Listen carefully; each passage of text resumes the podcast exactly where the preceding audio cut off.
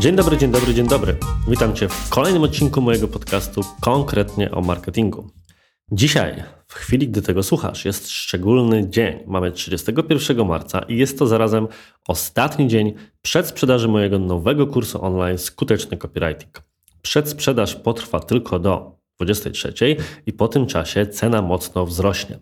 Mówię o tym, że to dla szczególny dzień, mimo że e, nagrywam ten podcast wiele, wiele dni wcześniej. To z kolei oznacza, że nie wiem nawet i nie jestem w stanie Ci podać, ile kursantów mamy już na pokładzie. Po upływie tygodnia, to akurat wiem, czyli połowy przedsprzedaży, było to już przeszło 120 osób. Ile jest teraz? Cóż, mam nadzieję, że co najmniej dwa razy tyle. I mam nadzieję również, że po zakończeniu tego odcinka Ty też będziesz osobą, która dołączy do nas na pokładzie tego kursu. Może już tam jesteś. Niezależnie od tego, link znajdziesz w opisie. Tymczasem dzisiaj przychodzę do Ciebie z tematem niepowiązanym z moim kursem, a chyba większość marketerów w ten sposób by zrobiła, prawda? Nagraliby to odcinek, który miałby dać Ci taki przedsmak tego kursu. No ale cóż, ja kontynuuję naszą chwilową serię dotyczącą reklam na Facebooku i dzisiaj postanowiłem wziąć na warsztat temat związany z remarketingiem. O remarketingu powiedziałem, napisałem już wiele w najróżniejszych miejscach. Jeżeli chodzi o techniki, na przykład w jaki sposób ustawiać skuteczne grupy docelowe, to mam zresztą świetnego darmowego e-booka, którego dostają wszyscy zapisani na mój newsletter, którego serdecznie Ci polecam. Jest tam więcej wiedzy na 50 stronach niż w niektórych książkach, nieskromnie mówiąc. Natomiast dzisiaj stwierdziłem, że podejdę do tego tematu w trochę inny sposób. Mianowicie na szkoleniach, warsztatach czy od swoich kursantów mojego kursu online właśnie z reklamy na Facebooku bardzo często dostaję kilka pytań, konkretnie trzy dokładnie te same pytania na temat ustawiania remarketingu i stwierdziłem, jak to często powstają różnego rodzaju moje materiały, że zbiorczo odpowiem na to właśnie w formie odcinka podcastu. Przed Tobą więc trzy zagadnienia związane z remarketingiem na Facebooku na poziomie strategicznym. Serdecznie zapraszam do przesłuchania tuż po czołówce.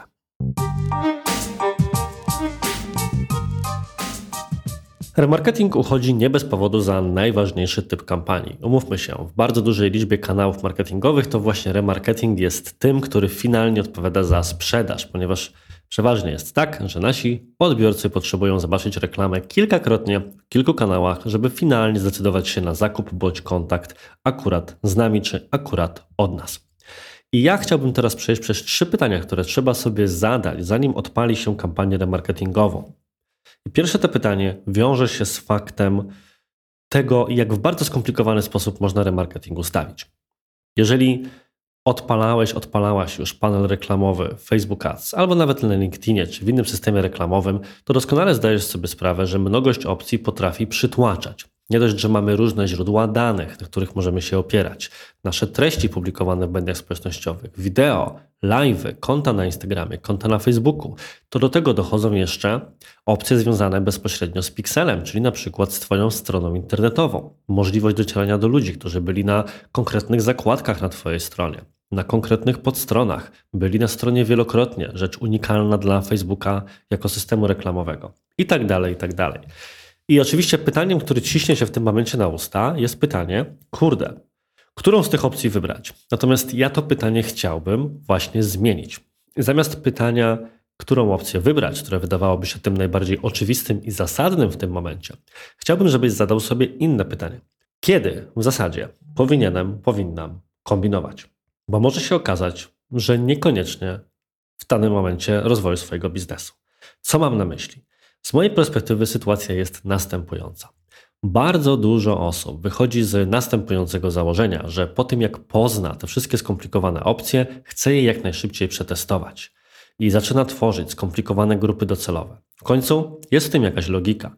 Jeżeli mielibyśmy na przykład docierać do wszystkich osób, które odwiedziły naszą stronę internetową, to umówmy się, jest tam też wiele osób, które na przykład trafią na nie przypadkiem, przeklikają się z jakiejś aplikacji mobilnej, bo im się palec omsknął, czy nawet wejdą świadomie na naszą stronę, ale po zobaczeniu jak ona wygląda, tudzież jaką mamy politykę cenową, nie będą finalnie zainteresowani tym, żeby z naszych usług czy z naszych towarów skorzystać. Finalnie więc okazuje się, że czy powinniśmy takie osoby później ścigać w remarketingu i próbować pchnąć butem, żeby jednak skorzystali z naszej oferty? Niekoniecznie. Nic więc dziwnego, że dużym zainteresowaniem cieszą się właśnie te techniki tworzenia bardziej skomplikowanych grup remarketingowych. Tyle, że należy mierzyć siły na zamiary. I z mojej perspektywy, pierwszą rzeczą, nad którą trzeba się zastanowić, jest rzecz, jak dużo mam właściwie ruchu na stronie internetowej. Załóżmy bowiem, że chcielibyśmy rzeczywiście zrobić rzecz następującą, czyli wydzielić do osobnej grupy docelowej osoby, które były na przykład na konkretnych zakładkach, dodawały produkty do koszyka, czy na przykład były na naszej stronie więcej niż raz. Tworzymy taką grupę z świetnym poczuciem e, dobrze spełnionej roboty, ponieważ udało nam się oddzielić tych bardziej wartościowych użytkowników z wyższym prawdopodobieństwem konwersji od po prostu wszystkich, którzy przez naszą witrynę przeszli. Tymczasem finalnie okazuje się, że uruchomimy taką kampanię i nie będzie ona dawała żadnych zwrotów.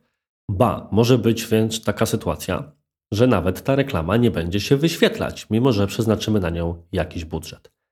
Pytanie brzmi, Dlaczego? A odpowiedź jest bardzo prosta, ponieważ takich ludzi jest zwyczajnie za mało. Co z tego, że możemy stworzyć kombinację alpejską typu ludzie, którzy byli na naszej stronie w ciągu ostatniego tygodnia trzy razy na zakładce kontakt i trzy razy na zakładce oferta. Jeżeli biorąc pod uwagę, że przez naszą stronę w skali miesiąca przewija się na przykład 1000, 2 czy 5 tysięcy ludzi, to takich osób realnie w tej grupie będzie kilkaset, może nawet kilkadziesiąt, co oznacza, że jeżeli uruchomimy naszą kampanię i jeszcze musimy wygrać, pamiętajmy o tym, aukcję z innymi reklamodawcami, żeby nasza kampania w ogóle się wyświetliła, to finalnie okaże się, że wygenerujemy kilka kliknięć, co raczej nie przełoży się na dużą liczbę konwersji. Stąd właściwym pytaniem, pierwszym z trzech, które należy sobie zadać, jest pytanie, kiedy w ogóle powinienem kombinować. I moja odpowiedź, gdybym miał udzielić jej jednym zdaniem, brzmi następująco. Im mniej ruchu na Twojej stronie internetowej, tym bardziej ogólne ustawienia powinieneś, powinnaś przyjmować.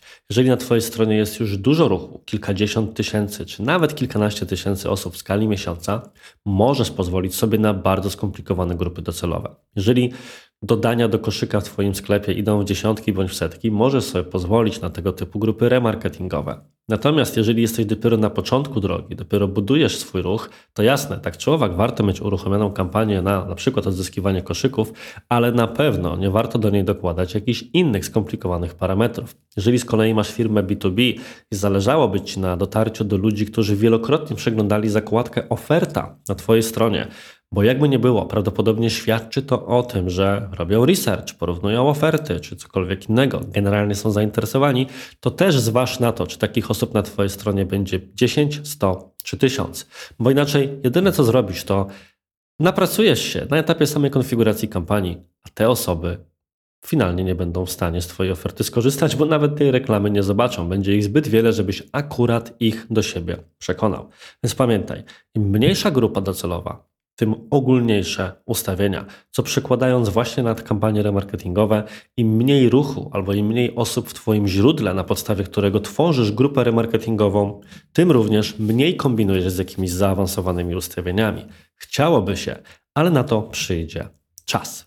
I posługiwałem się tutaj właśnie terminami typu duża grupa czy mała grupa w odniesieniu do skali ruchu na stronie internetowej. Natomiast Tworząc grupę remarketingową, właśnie jako grupę niestandardowych odbiorców na Facebooku, mamy do wyboru jeszcze jeden parametr, który bardzo mocno wiąże się i przekłada się na wielkość grupy. Jest to możliwość wybrania konkretnej liczby dni, z której grupę tworzymy. Ponieważ, dla przypomnienia, działa to w ten sposób, że tworząc grupę remarketingową, sięgam po osobę czy osoby, które w przeszłości miały już jakąś styczność z moją marką. Minimalnie może to być dzień przed, czyli ludzie z wczoraj, natomiast maksymalnie może to być 180 dni w kontekście strony internetowej, natomiast 365 dni w kontekście źródeł facebookowych, czyli na przykład możemy dotrzeć do osób, które dołączały do organizowanych przez nas na Facebooku wydarzeń nawet rok wcześniej. I pytanie, które jest pytaniem numer dwa w kontekście remarketingu, które chciałbym, żebyś sobie zadawał bądź zadawała, brzmi: jak dużą grupę w takim razie powinieneś tworzyć? I na to pytanie odpowiedź składa się z kilku elementów składowych. Pierwsze nawiązuje bezpośrednio do mojej odpowiedzi na pytanie numer jeden, czyli jak dużą grupę pod kątem liczby ludzi finalnie uzyskam, w zależności od tego, jaki parametr użyję. Jeżeli bowiem stworzę grupę z ostatnich 3 do 7 dni, która przeważnie jest tą grupą o najwyższym prawdopodobieństwie konwersji, to może się okazać, że dobrze byłoby taką grupę mieć. Natomiast na przykład będą to właśnie pojedynczy użytkownicy, co sprawia, że na przykład w moim sklepie nikt nic finalnie nie kupi, albo nikt nie skontaktuje się z moją firmą. Jest to więc pierwsza rzecz, którą powinieneś brać pod uwagę. Może się więc okazać, że lepiej stworzyć grupę szerszą, której i tak znajdą się te osoby, które dopiero co weszły z Twoją marką w interakcję, będą więc zainteresowane tym, co masz do zaoferowania, ale dzięki temu algorytm będzie miał po prostu większą pulę ludzi, spośród których będzie mógł wybierać, a co za tym idzie, łatwiej będzie taką grupę stworzyć i następnie adresować jej reklamy. Drugi parametr, czy drugą zmienną, którą uważam, że powinieneś bądź powinnaś brać pod uwagę, jest wielkość Twojego budżetu. I tutaj sytuacja też jest prosta. Z mojego założenia działa to następująco. Im mniejszym budżetem dysponujesz, szczególnie, że mówimy tutaj o budżecie na przykład dziennym per zestaw reklam, tym większą grupę powinieneś adresować. Dlatego, że dzięki temu łatwiej będzie algorytmowi odpowiednio zarządzać Twoim budżetem, żeby dotrzeć do osób, które mają wyższe prawdopodobieństwo konwersji. Jeżeli masz kilka tysięcy dolarów do koszyka w skali tygodnia czy dnia, możesz sobie pozwolić na kampanię z dwóch ostatnich dni, idące nawet w setki złotych. Natomiast jeżeli masz mniejszy budżet i też nie za dużą skalę ruchu, to lepiej jest stworzyć grupę z kolei szerszą, czyli nawet 180 dni wstecz. I takie grupy też konwertują, szczególnie w mniejszych biznesach. Gorąco więc polecam. Natomiast trzecia zmienna, w zasadzie najważniejsza, którą powinieneś, powinnaś wziąć pod uwagę, jest to, w jaki sposób w ogóle ludzie od ciebie kupują. Jak wygląda ścieżka konwersji, ile jest punktów styku na tej ścieżce, jak długi jest to w ogóle proces. Możesz tu oczywiście wesprzeć się własną analityką, danymi z CRM-a, danymi z przeszłych kampanii, czy z rozmów ze swoim, swoimi handlowcami czy pracownikami. Natomiast możesz też sięgnąć na przykład po dane z Google Analyticsa i porównać ze sobą na przykład raporty takie jak długość ścieżki w jakimś wybranym czasie, czy jeden z moich ulubionych raportów, którym jest upływ czasu, który pozwala Ci zobaczyć, ile dni upłynęło od pierwszej interakcji z reklamą do finalnej konwersji. I będą biznesy, przeważnie biznesy e-commerce'owe, gdzie na przykład największe natężenie konwersji, w niektórych wypadkach wśród naszych klientów jest to nawet 80%. Będzie pierwszego czy drugiego dnia po wizycie, ale są też biznesy, z którymi pracujemy, gdzie, uwaga, najwięcej konwersji jest między 14 a 30 dniem. I choć wydawałoby się to dziwne, to są to na przykład hurtownie, gdzie w ciągu miesiąca ludzie przeglądają sobie, co się tam pojawi, po czym wchodzą w konkretne dni i zatowarowują się na przykład w hurtowni odzieżowej na kolejny miesiąc. Nie jest to więc tak, że istnieją pewne idealne reguły. Choć gdybym miał wskazać, jak to wygląda tak Uśredniając w większości Google Analyticsów, które oglądam, to przeważnie właśnie jest bardzo duża intensywność, na przykład te dwie trzecie konwersji w pierwszych kilku dniach, potem sobie to stopniowo kapie i ponownie jest ten większy powrót po 14 dniach. Być może ktoś na przykład dodał sobie coś do listy obserwowanych, a później wpłynęła pensja i można wreszcie szaleć. To już jest kwestia zrozumienia grupy docelowej i jej konkretnych zachowań zakupowych, i głębsza już analiza bezpośrednio w danych. Natomiast nas pod tym konkretnym wątkiem interesuje właśnie sama długość, bo to możemy później przełożyć bezpośrednio na nasze grupy remarketingowe. Stąd na pytanie numer dwa. Jak dużą grupę tworzyć? Czy 3, 7, 14 czy 180 dni? Pamiętaj, że odpowiedź składa się z trzech składowych. Pierwsza sprawa, jak duży budżet mamy? Jeżeli mamy mniejszy budżet, to powinniśmy tworzyć większą grupę. Druga sprawa, ile ludzi zbierze się w naszej grupie. Jeżeli ponownie mamy mniej ruchu, to też powinniśmy to przełożyć na większą, czyli dłuższą w tym wypadku grupę, jeżeli chodzi o czas. I trzecią finalną zmienną, już taką strategiczną, jest to, jak wygląda ścieżka naszego konkretnego użytkownika i nasz konkretny lejek. I pytanie numer trzy, ostatnie, to pytanie o częstotliwość. Pytanie, które słyszę bardzo często brzmi, czy częstotliwość wyświetlania reklamy na osobę ma znaczenie? Jest to pytanie, które pojawia się nieprzypadkowo, ponieważ na Facebooku poza celem reklamowym zasięg, czy poza modelem rozliczeń zasięg i częstotliwość, nie ma możliwości sztywnego ustalenia, żeby reklama wyświetlała się danej osobie na przykład nie więcej niż 3 razy w ciągu tygodnia.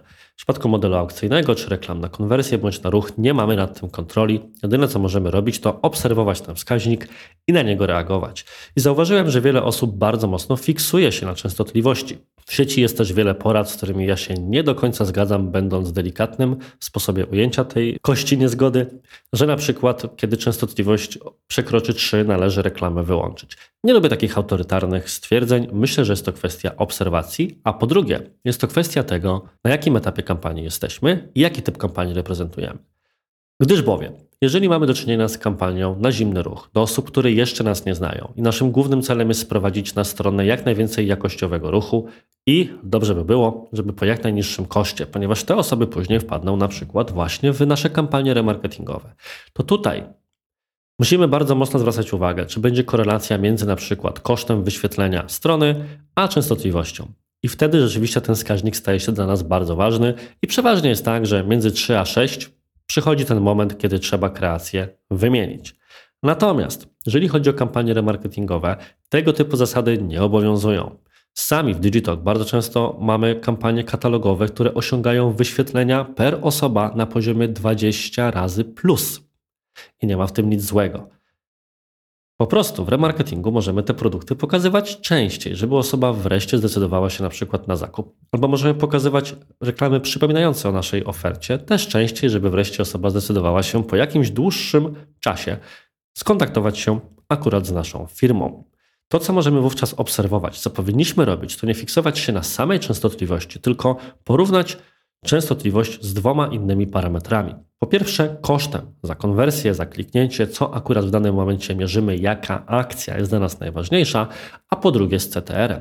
Ponieważ jeżeli częstotliwość rośnie, ale wskaźnik CTR-u, czyli stosunku kliknięć do wyświetleń, procentowo jest na podobnej wysokości i również nie ma dużych wahnięć w zakresie kosztu za akcję i wyświetlenia reklamy, zasięg reklamy spokojnie przyrasta, to znaczy, że jedyną osobą, która fiksuje się na tym, że ludzie widzą reklamę zbyt często, jesteśmy wyłącznie my, natomiast nie sami odbiorcy. Im to nie przeszkadza. Z kolei, jeżeli zauważymy, że rzeczywiście CTR spada, koszty rosną, zasięg reklamy jest mniejszy niż był i zauważyliśmy, że wzrosła częstotliwość, to wtedy możemy próbować wysnuć wniosek, że przyczyną jest właśnie to, że osoby zobaczyły już reklamę przynajmniej raz za dużo. Podsumowując więc, trzy pytania, które musisz sobie zadać, kiedy uruchamiasz, czy planujesz uruchomić kampanię remarketingową. Pierwsza sprawa, czy w ogóle powinienem kombinować z zaawansowanymi ustawieniami. może się okazać, że biorąc pod uwagę skalę ruchu na Twojej stronie, niekoniecznie tak będzie i być może Mimo, że dobrze byłoby odpalić bardzo skomplikowane grupy docelowe, będziesz musiał bądź musiała zostać na przykład po prostu przy wszystkich użytkownikach, którzy przeszli przez Twoją stronę do momentu, aż ta skala ruchu nie będzie większa. Po drugie, jak dużą grupę tworzyć, czyli z ilu dni wstecz. Jest to zależne od tego, jak wygląda ścieżka Twojego użytkownika, jak dużym budżetem dysponujesz i na jak dużą grupę w powiązaniu z pytaniem pierwszym się to przełoży. Im mniejsza grupa by się stworzyła, albo im dłuższa ścieżka, tym prawdopodobnie dłuższą grupę finalnie będziesz musiał bądź musiała stworzyć. A trzecie pytanie, czy częstotliwość ma znaczenie?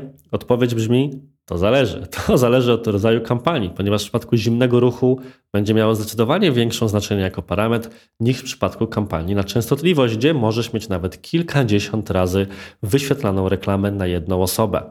Żeby odpowiedzieć sobie na to pytanie, czy taka częstotliwość jest zła dla skuteczności Twoich reklam, musisz zestawić to z innymi parametrami, z zasięgiem, wyświetleniami, CTR-em, czy po prostu kosztem za akcję, konwersję, kliknięcie, czy cokolwiek akurat mierzysz. I to tyle w dzisiejszym odcinku. Raz jeszcze przypominam Ci, że dziś kończy się sprzedaż kursu Skuteczny Copywriting, a co za tym idzie, od jutra cena pójdzie mocno do góry. Jest to więc ostatnia okazja, żeby skorzystać z przedsprzedażowej ceny, a kurs, który sykuję, będzie naprawdę mocny i konkretny. Tak jak mam nadzieję, Konkretny jest dla Ciebie podcast o nazwie, uwaga, uwaga, konkretnie o marketingu. Jeżeli tak jest, to gorąco również zachęcam Cię do subskrypcji czy zostawiania na przykład recenzji bądź gwiazdki na Apple Podcast. Pomoże mi to piąć się coraz wyżej w statystykach popularności tego podcastu i docierać z dobrym marketingowym głosem w Twoim domu, mam nadzieję, że dobrym, do kolejnych użytkowników. A na dziś to wszystko. Bardzo Ci dziękuję za uwagę. Jak zawsze życzę Ci miłego dnia i do usłyszenia za tydzień.